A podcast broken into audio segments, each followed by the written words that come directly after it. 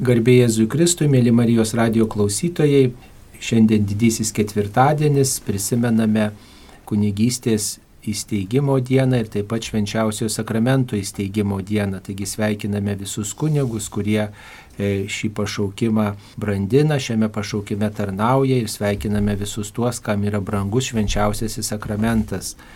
Šiandien šioje laidoje ir kalbėsimės apie kunigystės pašaukimą ir tai, kaip jis yra brandinamas. Šioje laidoje dalyvauja Kauno kunigų seminarijos seminaristai Jokūbas Juškevičius, Ernestas Aleksandраvičius, Benas Jetskūnas ir taip pat seminaristų dvasios tėvas Tasys Kazėnas. Garbė Jėzui Kristui. Per amžių. Laidą vedu aš, kunigas Saulis Bužauskas. Taigi, mėly broliai, galbūt ir pasidalinkime mintimis apie tai, kaip mes suprantame kunigystės pašaukimą, kas tai galėtų būti. Man atrodo, kad kunigystė kaip tokia yra pirmiausia kvietimas tarnauti, bet jis nėra kažkoks nuleistas iš aukštybių supermistinis Kaip žinia, jis ateina iš visų žmonių tarp. Kunigai, pašvestieji, dvasininkai, jie išrenkami iš šeimų, iš tos namų bažnyčios pirmiausia. Ir, ir tai yra didelis grožis, kadangi kunigas tam tikrą prasme nėra išskirtinis iš visų žmonių, jis kaip tik iš jų būtent ir ateina ir ateina tam, kad jiems tarnautų. Tai man asmeniškai kunigystė pirmiausia reiškia tarnavimą ir buvimą Dievo įrankiu jo bendradarbiu tame darbe, kurį Dievas nori daryti pasaulyje. Ir aišku, aš įsivaizduoju, kad kunigystė dažnai tokia pagunda kyla manyti, kad aš esu kunigas ir aš kažką labai ypatingo darau ir tai yra tiesa, daro Dievo darbus, bet kartais galbūt veda į tokį, irgi sakytume, susireikšminimą, galbūt puikybę ir man labai patiko kardinolo Kristofo Šiomburno yra toks e, gražus liudijimas, pasakojimas, kaip jis atvyko, bijau pameluoti, į kokią salą, kur žmonės niekada nebuvo sutikę dvasininkų aukšto rango, vyskupo kardinolo. Ir jie labai ruošėsi tam vizitui, išpošė, reiškia, gatves visokiom vėliavėlėm, padarė šventę, išpylė naujai kelius, pasitiko jį ten su kilimais ir palmėmis, maždaug kaip Jėzus įžengiantis į Jeruzalę. Ir kardinolas Kristoferis Šomburnas, jis eina ir sustinka su vietiniu misionieriumi, tėvų jezuitu, kuris daug metų ten tarnauja, labai išsilavinęs, kultūringas kunigas.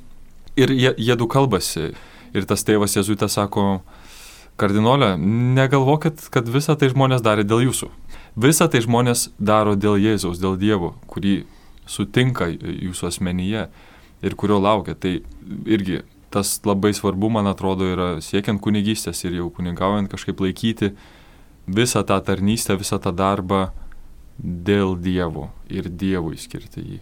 Jam teikti pirmą vietą, nes galų gale kunigas yra tik įrankis šito nuostabaus Dievo veikimo žemėje.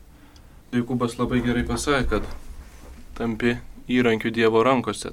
Ir manau, didžiausias iššūkis kunigui per tą puikybę, kad tas Dievas netaptų įrankiu saviem tikslam kunigui pasiekti, bet čia toks iššūkis yra. Na ir dar gal pagunda visada kyla kažką ten prisikurt, kas tai kunigystėje bus, ten kaip Dievas mus aukštins.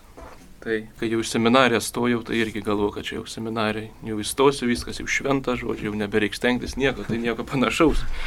Yra didelė kova ir vidinė, nu, ir fizinė, keltis anksti reikia viską.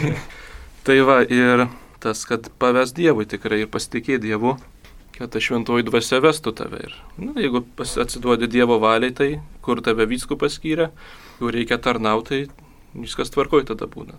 Jeigu Dievas nėra tau tikslas, o tu esi įrankis Dievo rankose, tai va. Tai manau, kad kunigystė tai yra tarnauti nevaldyti, man atrodo, to ištikimybei būtų. Pratesiu, pirmiausia, tai pasidalinsiu tokia mintimė sugirdėjęs ar skaitęs kažkur, kad Dievo akise viena siela turi daugiau vertės už visą medžiaginę e, visatą. Ir Dievas nori, kad visi būtų išganyti, kaip apreiškęs yra, kad visi pažintų tiesos pažinimą. Ir kunigas jisai yra pašauktas bendradarbiauti su Dievu tame sutaikinimo su Dievu reikalė, jeigu taip galima įvardinti.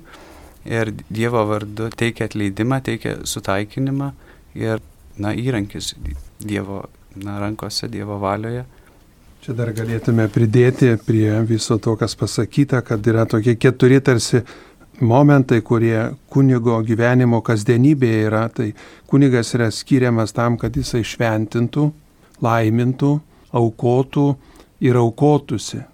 Mes tuos pirmus tris tai labai dažnai matome, kad pašventina įvairius dalykus ir kviečiame ir dalyvaujame tame, matome kunigus laiminančius, mišes aukojančius, bet tas momentas, kad reikia pačiam aukotis, ar ne? Tai norint, kad kunigo tarnystė būtų vaisinga ir kartu, sakytume, ir džiaugsminga, kad kunigas pats būtų laimingas, tai yra labai svarbu, kad jis visą, ką daro, darytų tokioj aukos dvasioj, nesusireikšmindamas, kad čia aš kažką sunkaus aukojusi dėl kitų, bet kad tame aukojimėsi atrastų savo į džiaugsmą. O tai kyla iš žvilgsnio į Kristų. Į jo pavyzdį žvelgiant, nes jis yra vienintelis tikrasis kunigas, aukščiausiasis kunigas. Mes kunigai turbūt kartais tą Kristų, taip kaip ir čia vat, tokia mintis nuskambėjo, padarom kartais galbūt priemonę, tiesiog netikslu. Priemonę prie žmonių prieiti, priemonę dar kažkokiem tikslam siekti, turbūt tas yra toks nemažas iššūkis, kad Kristus visada būtų tikslas, dėl Kristaus darbuočiausi, kaip manot, ar yra šitas pavojus. Tai yra, kaip jau ir minėjau, jeigu tampa Dievas priemonė tik tai savo tikslam pasiekti, tai labai svarbu, man atrodo, turėti draugą, sakykime, ar dvasios tėvą, kuris tave nuo žemės nuleistų, pasakytų, palauk, kažkur gribauji biški šauna žodžiu. Tai ta pagunda visada yra, bet manau, jeigu išlaikai, sakykime, dvasinį gyvenimą, tai ta pagunda mažesnė yra ir lengviau ją nugalėti. Buvo vienas toks nutikimas, kurio pasidalinsiu, tai mano geras bičiulis, taip pat seminaristas, mes su juo dažnai diskutuojam apie, ką jam reiškia kunigystė, va, tas pašaukimas, kam reiškia iš vis toks dvasinis augimas ir, ir panašiai, ir kaip mes abu keliaujam šitame kelyje ir galiausiai, reiškia, prieėm tokią išvadą, kad jisai netgi, sakyčiau, radikaliai pasisakė, kad aš esu seminarijoje ne tam, kad siekčiau kunigystės kaip, kaip tokios, kaip, kaip tikslo, sako, aš atėjau čia, kad būčiau su Kristumi. Ir tai yra mano pagrindinis tikslas būti su Kristumi. Kunigystė kaip pašaukimas yra būdas man būti su juo ir aš jaučiu, kad galbūt kunigystėje Dievas mane kviečia būti arčiausiai su juo, kad aš, nu, kaip sakant, galėčiau labiausiai atsiliepti jo kvietimą ir tuo buvimu, vat, konkrečiai šiuo, šiuo atveju kunigystėje, ar ne, decesniai kunigystėje, ar, ar nebūtinai, aš galiu labiausiai panašėti Kristų ir tapti tikrai ir jo, jo pavyzdžių žmonėms pasaulyje. Prieš priešos tarp tarnavimo Kristui ir tarnavimo žmonėms nu, atrodo nėra ir čia tas irgi yra gerai. Kristus kviečia mus atrasti kituose žmonėse jį, Kristų ir jam tarnauti, kaip kad ką padarėt mažiausiam iš mano brolių, man padarėt, kaip sako Kristus. Ir tas buvimas su Kristumi, tarnavimas Kristui, jisai labai susijęs su buvimu su žmonėmis ir, ir tarnavimui žmonėms. Ir čia tos tokios įtampos prieš priešos, man atrodo, nėra ir tas man pačiam patinka. Tai įtampos ir neturėtų būti, nes mūsų tikėjimas yra kristocentrinis. Kristus yra centre, visa, mes esame, nu, kaip sakyti, mums visiems kelias pas Kristų vienodas per savo darbus, rūpečius, pareigas.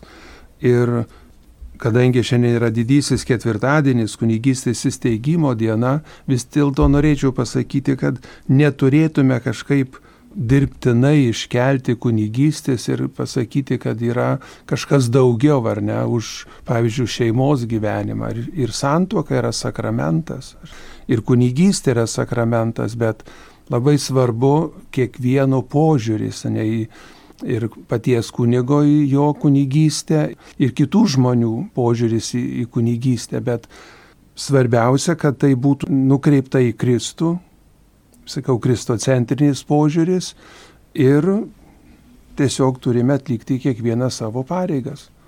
Turbūt toks labiausiai regimas e, kunigo darbas tai yra teikti sakramentus ir ruošti žmonės priimti tuos sakramentus. Tačiau turbūt daugelis žmonių turi tokių labai didelių lūkesčių žvelgdami į kunigą, kad jis būtų komunikabilus, kad jis būtų toksai prieinamas žmonėms, kad jis e, ugdytų, kad jis patrauktų, kad jis e, ieškotų žmonių, kad jis būtų linksmas, kad jis e, domėtųsi įvairiomis rytimis, kad jis būtų ir senam, ir jaunam. Ar jūsų negniuždo kartais keliami kunigui reikalavimai šiais laikais, kad jis ne tik tai būtų tas, kuris teikia sakramentus, bet ir kad jis patrauktų, kad būtų įdomus ir visoks kitoks inteligentiškas protingas, sumanus ir, ir dabar ir šio laikinės informavimo technologijas įvaldė žmogus, žodžiu, tokia tarsi barbė devindarbė. Ar tas nebaugina jūsų, ar susidurite su tokiu iššūkiu? Kaip sakant, žmonių, sakytume, lūkestis, taip kartais šiek tiek kelia nerimo, dėl e, savo tokio daugumo aspektų, kuriuos tar, tar, tarytum kunigas turėtų atitikti.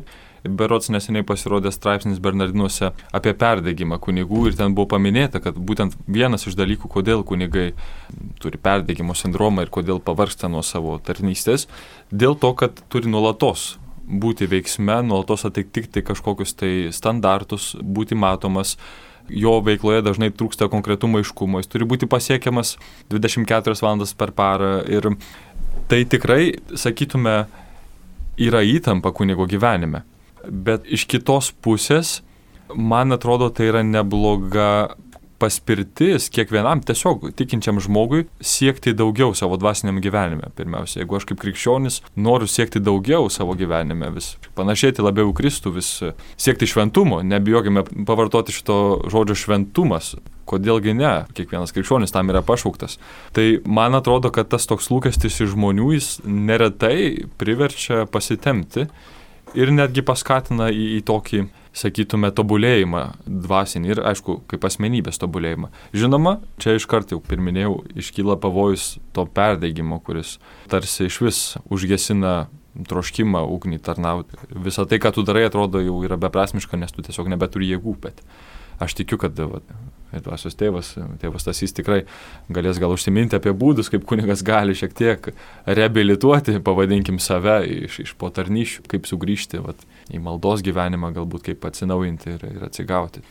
Man tai atrodo, kad tam tikra prasme ir žmonių yra bėda ir nesupratimas, kad kuniga dažnai sulygina su Dievu, kad tu man turi duoti viską, čia negali ilsėtis.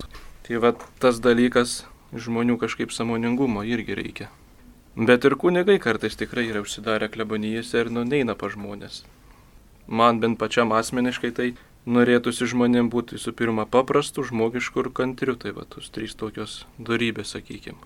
Suprasti juos kažkaip tas bėdas jų ir tarnau taip, kaip moku ir kažko per daug iš savęs nereikalauti ir neprivartauti, taip žinoma.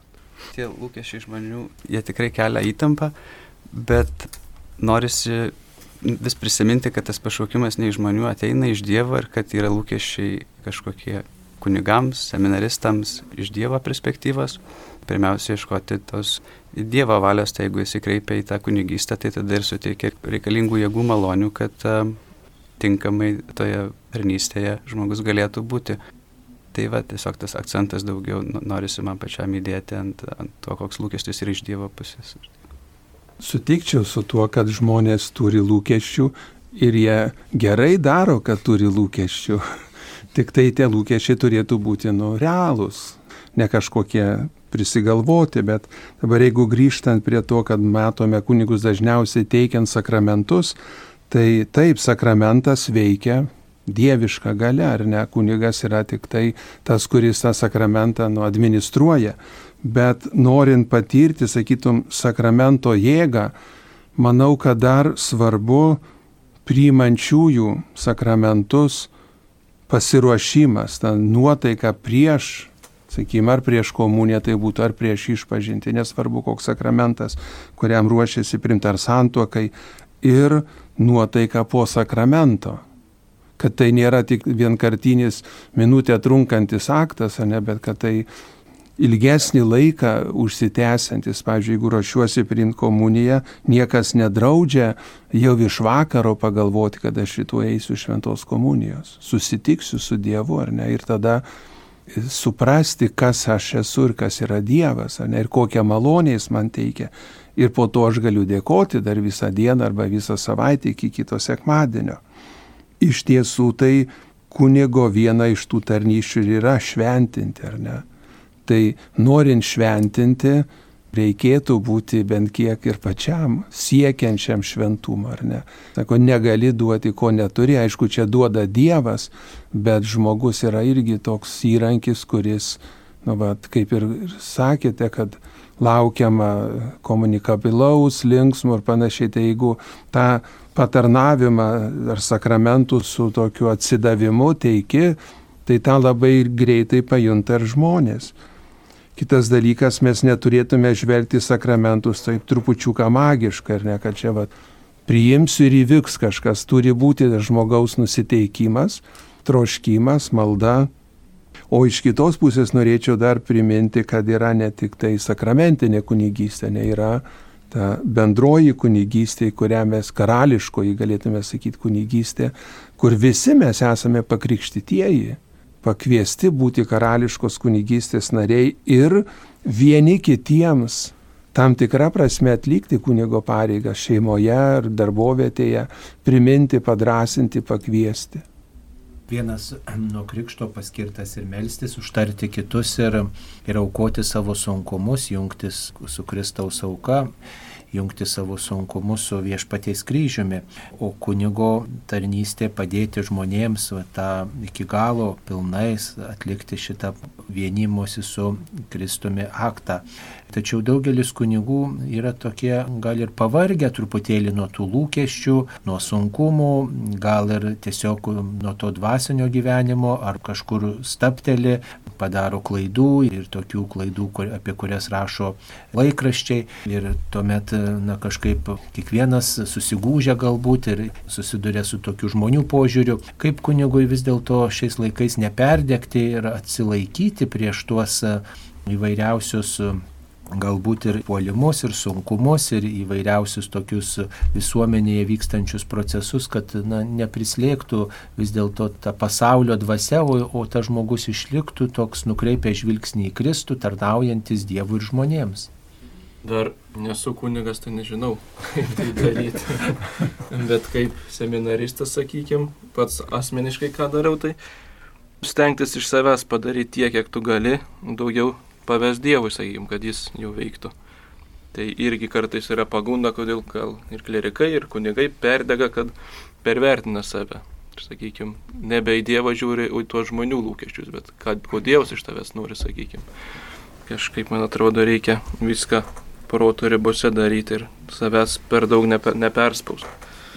Kitas dalykas, ką jūs ir minėjot, kad kažkaip nepasiduoti pasauliu, nes tikrai yra pagunda, aš jau būdamas seminarai jau jaučiu, kad yra pagunda tarp to, kad tarsi tu turi tarnauti pasauliui, žmonėms esantiems pasaulyje, gyvenantiems ir tarsi pasiduodi tai dvasiai, kad tu tampi pats, sakytume, su pasaulėjai, čia kažkaip nesumenkinant gyvenančių pasaulyje, bet tiesiog vis tiek tas kunigo pasišventimas jis yra kitoks, tu esi išskirtas iš pasaulio, esi pasišventas ir pašvestas kitokiam gyvenimui, sakytume, tai yra pagunda galbūt tapti pasaulio, pasiduoti pasauliu, jo tuštybei sakytume. Ir man asmeniškai labai padeda sustojimas. Tiesiog staptelti tiek savo dvasiniam gyvenime, tiek apskritai būtyje kasdienybėje, labai rasti trumpų keletą akimirkų ir sustoti ir pažvelgti viską naujai. Ir pats pajuntu ir girdėjau iš keletos kunigų tokį liudijimą, kad vienas didžiausių sunkumų yra kovoti su apsipratimu, kadangi nuolatos yra liečiamasi prie šventų dalykų, žiūrima į, į šventus dalykus, į sakramentus, į Euharistiją, į atgailos sakramentą. Į, ir sakytume, tai tampa kažkaip, nu, įprasta. Paprasčiausiai ir mes dažnai darome tai kaip kasdieninį veiksmą, kaip rutiną kažkokį visiškai įprastą, įprastą dalyką. Ir pamirštame dažnai prasme kodėl mes darome vienus ar kitus ženklus, gestus, simbolius, kodėl mes. Man tai žvelgti iš naujo viską, tokį atgaivinti, atnaujinti tą žvilgsnį, prasme, kodėl aš visą tai darau, kodėl aš belgiu į Eucharistinį Jėzų. Jeigu kunigai, ne, kodėl aš teikiu dabar atgailos sakramentą, kokia tai yra Dievo malonė, ar ne, kaip Dievas veikia šitame susitaikinime, šitame šventime atgailos kas įvyksta per Eucharistiją, dar kartą iš naujo pasižiūrėti. Atrodo tokie paprasti, suprantami dalykai, bet juos iš naujo pamatyti. Ir toks staptelėjimas, blitz, jisai kartais padeda iš naujo žvilgtelti. Kai aš priklaupiu prie švenčiausios sakramentą, ką aš tikrai pagarbinu, ar aš pagarbinu tave viešpatė. Tai va toks permastymas savo elgesio ir, ir santykio kartu irgi su, su, su viešpačiu. Man yra giliai taip įstrygę toks pasakojimas, grįžo iš Airijos, pažįstami žmonės ir jie, sako, sekmadienį nuėjom į bažnyčią ir ten kaip tik vyko tas visas skandalai įvairiausi sunkumai ir sako, kunigas pradėjo mišes ir pamokslė, sako, aš pirmą kartą gyvenime blogai jaučiuosi prie altoriaus, žinodamas, kas vyksta ir kokie požiūriai ir panašiai. Tai kaltinimo kunigo atžvilgių labai daug girdim dabar. Ir nenoriu nei teisintis, nei teisinti, bet tik noriu paklausti, kiek jūs melžiatės už savo kleboną, už kunigą, pas kurį jūs einate iš pažinties, už tą kunigą, kurį galbūt, kuris jūs pakrikštijo ar sutuokė. Čia ne kaip priekaištą išgirskime, bet kaip tokį, sakyčiau, ir pagalbo šauksmą, kad jūs, brangieji, tikrai palaikykite maldą. Dabar, kaip kunigui atsilaikyti visose rūpešiuose sunkumuose, tai faktiškai žmogui neįmanoma, bet Dievui įmanoma ir tam yra svarbu turėti bendruomenę. Dabar kokia ta bendruomenė, tai jau čia kiekvienas kunigas asmeniškai sprendžia, bet šalia visko turėtų būti ir parapijoje tam tikra bendruomenė, su kuriais jis galėtų draugauti, nueiti arba sulaukti svečius. Aš kartais netgi klausiu žmonių arba tokį kaip pasiūlymą sakau, kada jūs nuėjote, pavyzdžiui, pas kunigą ir jį tiesiog sakot, norim pabūti kartu ir išgerti, pavyzdžiui, vyno taurę ar arbatos ar kavos kartu, ar pasikvietėt kada. Ne tam, kad provokuoti alkoholiui, bet tiesiog kartu švesti. Juk jis irgi kaip žmogus turi vairias šventes, progas arba lieka vienas, pavyzdžiui, bus dabar pat Velykų, nu, dabar pandeminis metas, bet šiaip visi švenčiate, o kur jūsų klebonai švenčia? Ar jūs pakviečiate? Galbūt ir neteis, bet jis žinos, manęs laukia kažkas. Yra svarbu nelikti vienam iš tikrųjų ir tam reikia pagalbos. Ir ta pagalba ateina ne per kritiką, bet branginant ir kunigystės sakramentą ir branginant švenčiausią sakramentą, kadangi šiandien yra ketvirtadienis, didysis ketvirtadienis Eucharistijos įsteigimas būnant adoracijoje ar, ne, ar švenčiant kartu mišes, pridėkime vis tą truputėlį maldos už savo kunigus, už naujų pašaukimų prašymą. Ir ta malda tikrai bus išgirsta viešpatis ir išklausyta. Nes viešpats nenustoja kvietėsi kunigystę. Tai galbūt mes žmonės nebegirdime to kvietimo tiesiog per darbus, rūpešius arba per susikoncentravimą į save, į savo reikalus. Iš tikrųjų buvo toks dar atradimas, vat, jeigu kalbant apie maldą už pašaukimus, už kunigus, propedėutinių metų, paruošiamųjų metų prieš seminariją metu buvo mūsų kursė tikrai neretai skambanti maldos intencija už naujus pašaukimus, už kunigus ir aš baigiantis metams vis galvodavau, kaip galima dar labiau melsis už juos, ką galima, tarkim, paukoti ir, ir kaip atrodo giliau išgyventi irgi tą, tą pačią maldos intenciją. Ir tiesiog kilo tokia mintis, kad pats Dievas iš tikrųjų įrašė į mūsų kasdienę maldą maldą už kunigus. Nes kai mes melžiamės tėvę mūsų maldą, prašome kasdienės mūsų duonos duok mums šiandien. Ir kurie ten teologai mano, kad tos duonos mes iš tikrųjų prašome ant gamtinės duonos, kurią Izraelio tauta buvo gavusi keliaudama tos manos ant gamtinės dangiškos duonos, ką mes dabar vadiname Euharistija, Kristaus kūnų ir krauju, kurią būtent šiandien įsteigimą ir minime, tai tos duonos prašome, o kas daugiau, jeigu ne kunigai, iš tikrųjų gali padaryti, kad Dievas būtų su mumis žemėje. Dievas pats įrašė, mokydamas mus, tėvę mūsų maldos, įrašė šitą troškimą kunigų ir kiekvieną kartą čia gali būti irgi kvietimas, kiekvieną kartą, kai melžiuosi tėvę mūsų maldą ir tariu žodžius, kasdienės mūsų duonos duok mums šiandien, prisimenu ir kunigus ir prašau irgi naujų pašaukimų taip pat į kunigystę. Taigi kiti žmonės gali padėti atpažinti pašaukimą, jį palaikyti, paskatinti, bet gali kartais ir trukdyti tam pašaukimui skleistis.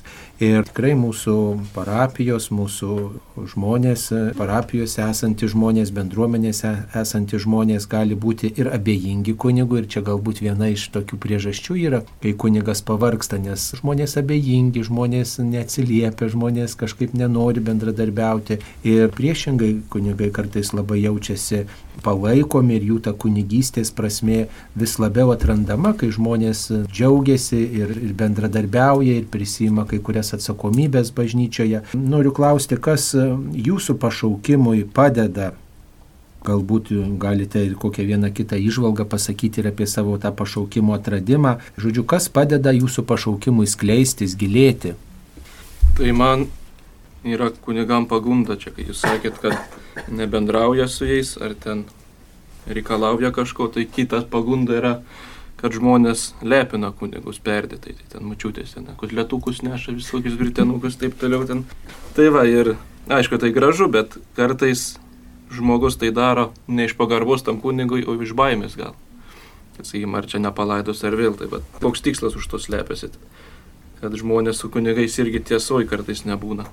O man asmeniškai kas padeda, tai aišku, įvairius gyvenimo, sakykim, išbandymai, sunkumai. Tai nes kol tu normaliai gyveni, sakykim, taip paviršutiniškai, be jokių sunkumų, nu, toks ir esi paviršutiniškas, o kai kažkokie sunkumai atsiranda, ar, sakykime, tos tokios vadinamos nepagodos, dykumos dvasinės, tada tu vėl nu, turi du būdus arba dar stipriau kiptis į maldą ir į santyki, santyki su Dievu stiprinti arba nu, pasiduoti ir kažkur kitur žodžiu išeiti, kažkokį kitą vietoj Dievo stabą kažkokį savo pasimti. Tai vad ir sunkumai, išbandymai visokie gyvenimas jums padeda vėl permastyti viską, persvarstyti. Kunigas Tasys minėjo, kad kunigui labai svarbu turėti bendruomenę, kurį palaikytų. Ir e, pas dabar būdamas seminaristu atrandu, kad e, man buvimas bendruomenėje padeda ir palaiko mane su tokiai katalikų bendruomeniai Maranata, neseniai palyginus susikūrusi ir daugmaž bendramžiai yra jos nariai ir jų malda, pirmiausia tai jų malda, bet ir jų tiesiog draugystė su jais, su tais žmonėmis, draugais tikrai man padeda ir palaiko, kai matau, kad džiaugiasi, jog aš einu šituo keliu, pašaukimo keliu, jų padrasinimas jis tikrai tiesiog įkvepia mane ir palaiko, sustiprina labai kiekvieną kartą, kai su jais susitinku. Tiesiog buvimas šalia jų, žiūrėjimas juos, kalbėjimas su jais, nuduoda jėgų, kad eit, eit toliau ir padrasina, pagodžia. Aš negaliu šiandien nepasidalinti irgi šiek tiek, aš manau, kad tai yra mano pašaukimo galbūt kelio pradžia, bet tai, kas iš tikrųjų mane ir stiprina šitame kelyje ir manau, kad gali kiekvieną galbūt pastiprinti tai yra tikėjimo istorija. Tiek mano paties tikėjimo istorija, kelias, kuris yra nueitas, tiek mūsų senelių ir prosenelių, mūsų tautos tikėjimo istorija gali labai dažnai atgyvinti. Ir kai manęs klausdavo visada, kada prasidėjo, sako, tavo tikėjimo kelionė apskritai, bet pat ir, ir pašaukimo kelionė. Ir aš vis laik manydavau, kad nu, nuo krikšto, kaip, kaip katalikas reiškia. Bet išgirdau iš savo tėvų tokią istoriją, reiškia, mano tėvai pakankamai ilgą laiką negalėjo susilaukti vaikų ir jie dažnai meldėsi įvairiose Lietuvo šventovėse, prašydami irgi vaikelio. Ir mano mama nuvyko pas savo senelę, mano prosenelę ir jinai sako, jinai buvo labai tikinti moteris šventa, nemokėjo skaityti, bet uh, Žemaičių kalvarijos kalnus mintinai mokėjo, reiškia, gėduoti. Ir nuvyko pas ją ir jinai sako, kai aš numirsiu, tu turėsi vaikelį. Ir kai buvo jos laidotuvės, mano mama jau išėse buvo su manimi, jos maldos galbūt buvo išklausytos. Ir tą dieną, kai aš gimiau, būtent ir buvo didysis ketvirtadienis tų metų, kada aš gimiau, reiškia. Tai buvo irgi kažkoks, sakytume, palydinti ženklas tame pašaukimo kelyje. Bet esmė viso to yra tikėjimo istorija. Vat mano prosenelės tikėjimas galbūt, galime sakyti, išmeldė, sakytume, ne pašaukimą. Ir kai žiūriu vat į tuos protėvių ir mūsų tautos tikėjimo didvyrių pavyzdžius, aš tikiuosi busimų šventųjų, kaip viskupas Vincentas Borisevičius kankinys, kaip su kokiu atsidavimu jisai, pavyzdžiui, tarnau. Ir tai neretai padeda mano tikėjimo kelyje kažkaip atgaivinti tą troškimą ir, ir meilę tą tarnystę. Ir kitas dalykas, čia ką ir minėjau apie pagodas ir nepagodas kažkokias, kurios ištinka mūsų dvasiniam gyvenime, tai prisiminti būtent tuos paguodos momentus, tuos momentus, kada aš išgyvenau, patyriau Dievo artumą, prisiminti savo, kaip sakant, pirmąją meilę, tą pašaukimą, kaip mane Dievas kvietė, kaip aš atsiliepiau, kaip jis mane kalbino per žmonės, per savo žodį, per įvykius ir panašiai. Ir tai neretai sustiprina ir kelia šypseną, padeda prisiminti, kodėl aš čia esu. Šį vakarą mes žvelgsime visi į švenčiausią sakramentą, į Jėzų Euharistijoje. Ir besimeldžiančio žmogaus troškimas yra, nu, sakytume, sutikti Jėzaus žvilgsnį arba, sakytume, pamatyti Jėzaus veidą. Dabar kunigo tarnystėje yra labai svarbu žvelgti Jėzaus žvilgsniu į susirinkusius žmonės bažnyčioje, bet ir ne tik bažnyčioje, kiekvienu metu. Ir jeigu mes paėgėme žvelgti Kristaus žvilgsniu į žmonės, mes dažnai pamatome jų tikėjimą. Ir žmonių tikėjimas iš tikrųjų yra tai, kas mane labiausiai stiprina. Ir tą tikėjimą vienaip gali matyti parapijos bažnyčioje, kitaip galima matyti dvasinio palėtėjimo metu, kai yra asmeninis pokalbis, vėlgi kitaip gali matyti su tuoktiniu savaitgalėje, pavyzdžiui, kai susirenka šeimo, poros, pasidalinti savais rūpeščiais ir visur galime matyti tų žmonių Dievo ilgesį. Nes Dievo ilgesys mums visiems yra įdėtas. Darbai, rūpeščiai, problemos tą Dievo ilgesį užslopina mumise. Bet esame tam ir skirti vieni kitiems, kad padėtume ir tą Dievo ilgesį pažadintume ir į jį kiek galime atlieptume. Dievas iš tikrųjų atlieps, bet mes turime jį pažadinti. Dievo ilgesi mumise turbūt pažadina ir šventųjų gyvenimo istorijos jų pavyzdys. Štai neseniai seminaristai prieš pat Juozapo iškilmę organizavo tokią iniciatyvą Juozapai užaugink mus kaip Kristų. Taip kaip Juozapas augino Kristų ir augino misijai, augino gyvenimui, augino tarnystėj žmonėms, taip ir mes prašome daugelio šventųjų ir šiuo atveju jų prašė seminaristai kartu, kad Juozapas brandintų pašaukimą. Galbūt apie šitą iniciatyvą galėtumėte daugiau priminti, kaip ji gimė ir kas iš jos, kokie galbūt vaisiai tos iniciatyvos, kaip Juozapas padeda mumis auginti Kristų? Pirmiausia, tai norėčiau pradėti nuo to, kad e, apskritai bažnyčiai gimdo žmonės Kristui, gimdo žmonės kaip Kristaus kūno narius, kaip dangiškojo tėvo įsūnius, įdukras, kaip šventosios dvasios šventovės ir ne tik gimdo, bet ir augina. Turim sutvirtinimo sakramentą, kuris tarsi užbaigė tą visą įkrikščioninimą, į prieimą paauglystėje žmonės ir yra pats tas sakramentų prieimimas, krikštas, pirma komunija, sutvirtinimas, tam, tam tikri tarsi etapai, kurie atitinka tą žmogišką augimą ir tas dvasinis augimas. Ir mes vieni kitiems padedam aukti savo maldą, savo pavyzdžių ir aišku, šventieji padeda savo užtarimu, savo globa. Ir Jokūbas turėjo mintį, kad pasivesti Juozapui, melstis į Juozapą, nu ir atrodė tinkama kad Juozapas, kadangi yra bažnyčios globėjas, kuris augino Kristų savo rankomis įlietė, globojo, prižiūrėjo, kad mes jam pasivestume kaip tam, kuris gali mums padėti aukti, kaip Kristui, kaip Kristus kūno nariams. Nu va, iš tikrųjų, kai mes žvelgiame Juozapą, atrodo, matom puikų irgi pavyzdį, kaip atsiliepti į pašaukimą. Sakytume, Juozapas yra drasus, bet ta jo drąsa yra ir nuolanki bandau įsivaizduoti, kaip jis turėjo drąsiai, bet kartu nuolankiai priimti tai, kad jis turės užauginti Dievo sūnų. Kokia tai yra sudėtinga misija - užauginti Dievo sūnų, mokyti, nuolankiai įmokyti amato, pavyzdžiui, šiuo atveju dailidės, ar net tikriausiai stalios kažkokio, ar akmenskaldžio. Tai tikrai jam reikėjo drąsos rasti įvairius sprendimo būdus, kai tik gimus kūdikėliu jiems reikia bėgti į Egiptą. Jis turėjo drąsiai priimti sprendimą. Tai man atrodo, kad žmogus, kuris jaučia kunigystės pašaukimą, jisai turi drąsiai, labai drąsiai ir ištingai atsiliepti šitą kvietimą, bet kartu labai nuolankiai priimdamas tai, kad tikriausiai reikės daug ko atsisakyti, gyventi kitokį gyvenimą, negu gyvenai prieš tai, reikės keistis. Ir ačiū Dievui, nes iš tikrųjų, jeigu susitikimas su Dievu mūsų nepergeičia, tai ar tai yra tikras susitikimas su juo. Tai Juozapas šiuo atveju ir man asmeniškai ir tikiuosi mūsų broliams ir sesėms, ir kurie dalyvavo, ir kurie išgirdo šiek tiek apie akciją, arba tiesiog žvelgia Juozapą, tai galėtų būti paskatinimas, vat, irgi atsakyti į įvairių savo gyvenimo pašaukimą. Ar tai būtų šeima, ar tai būtų pasišventusių gyvenimas, ar, kunigystė. Ir kas labai gražu, ta intencija, kurią mes formulavom, kad mes panašėtume į Kristų, kas iš tikrųjų, man atrodo, yra viso krikščioniško gyvenimo centras, panašėti į Kristų ir tapti Kristumi pasauliui. Ir va, ypatingai šių dienų įvykiai, ar net tridienis, yra įspūdinga. Tai yra meilė iki galo, ar ne? Paskutinė vakarienė. Jis nusprendė savo paskutinės gyvenimo valandas praleisti su savo mokiniais, su savo bičiuliais. Atrodo, tam mus kviečia irgi savo laiką, paskutinį geriausią laiką leisti su savo artimai žmonėmis, su broliais ir sesėmis. Galų galiausiai didysis penktadienis ar ne rytoj.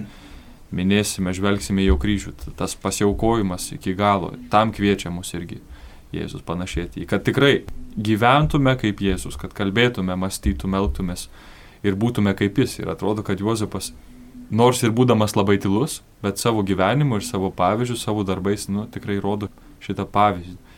Ir dvasios tėvas vieną iš vakarų, kai meldėmės šitą intenciją, minėjo, kad neretai Jėzus vaizduojamas su Marija ir Juozapo ten nematyti, bet jis yra, jis visada yra šalia ir globoja, rūpinasi jais. Tai tikrai galime patys prašyti ir pasivesti Juozapo globą ir pavesti savo pašaukimus, kad jis tikrai užaugintų mus taip, kaip užaugino Jėzų.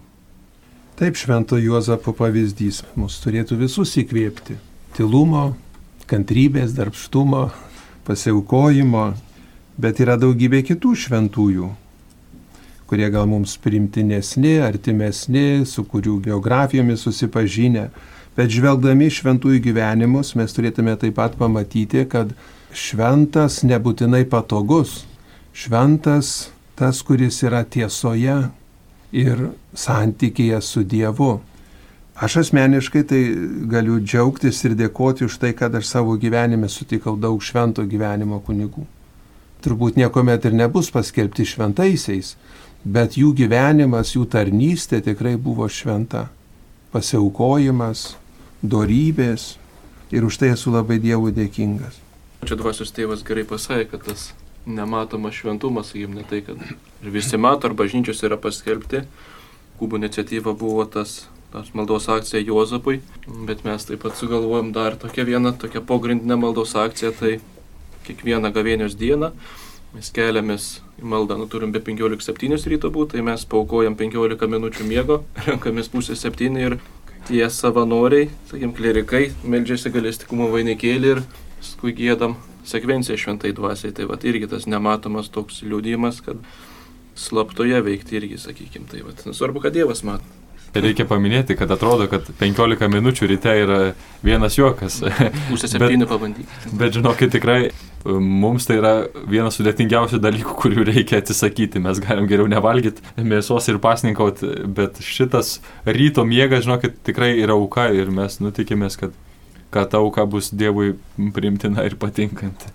Taigi kunigystės įsteigimo dieną galim galbūt e, tokius du linkėjimus pasakyti. Kvieščiau dabar laidos dalyvius pasakyti du linkėjimus. Vieną linkėjimą reikėtų pasakyti kunigams, kurie galbūt klausosi mūsų, o kitą linkėjimą pasauliečiams, kurie tiek turi tam tikrą santykį su kunigu, priima sakramentus e, iš kunigo rankų, mato kunigo pavyzdį, mato kunigo klaidas.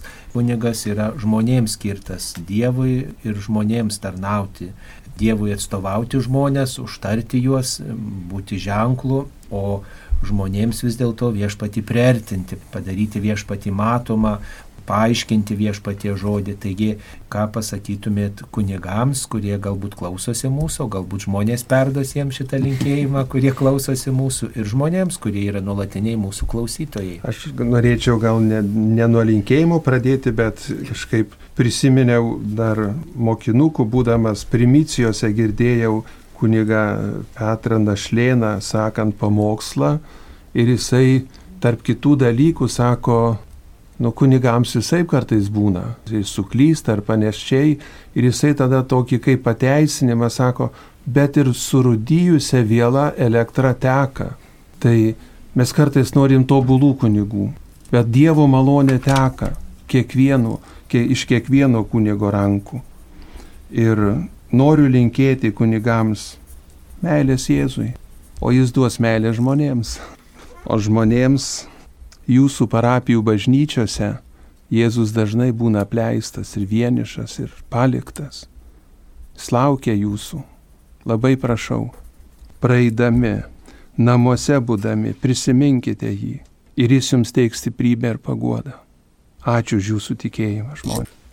Tai kunigams palinkėčiau paprastumo ir šiuo laiku yra labai pagunda taip pat tapti patogių žmonėms labai. Tai norėčiau palinkėti netapt patogiems žmonėms, bet patogių Dievui, kad, kad jo valią vis dėlto vykdytume ne savo ir ne žmonių. O pasauliečiams tai parašymas toks ir palinkėjimas tikrai, kaip čia dvasios tėvas sakė, kad neužmiršt pasimels tiek už kunigus, nu, ir už mus kartais, klierikus, už vyskupus savo ganytus visus, kad nu, jie būtų ir jum prieinami, ir jūs prie jų galėtumėt prieiti. Tai vat, ir ačiū Jums, kad esat, nes jeigu ne jūs pasauliečiai, nu, tai nei tų kunigų nebūtų. Tai vat, vis tiek mes iš, to, iš tos pačio, taip sakant, žemės susikylam. Tai vat. Mano palinkėjimas kunigams truputį panašus į Beno - siekti nesėkmės pasaulio akise, bet būti ištikimiems Kristui, o žmonėms tai linkiu šaknytis Kristuje ir aukti jame.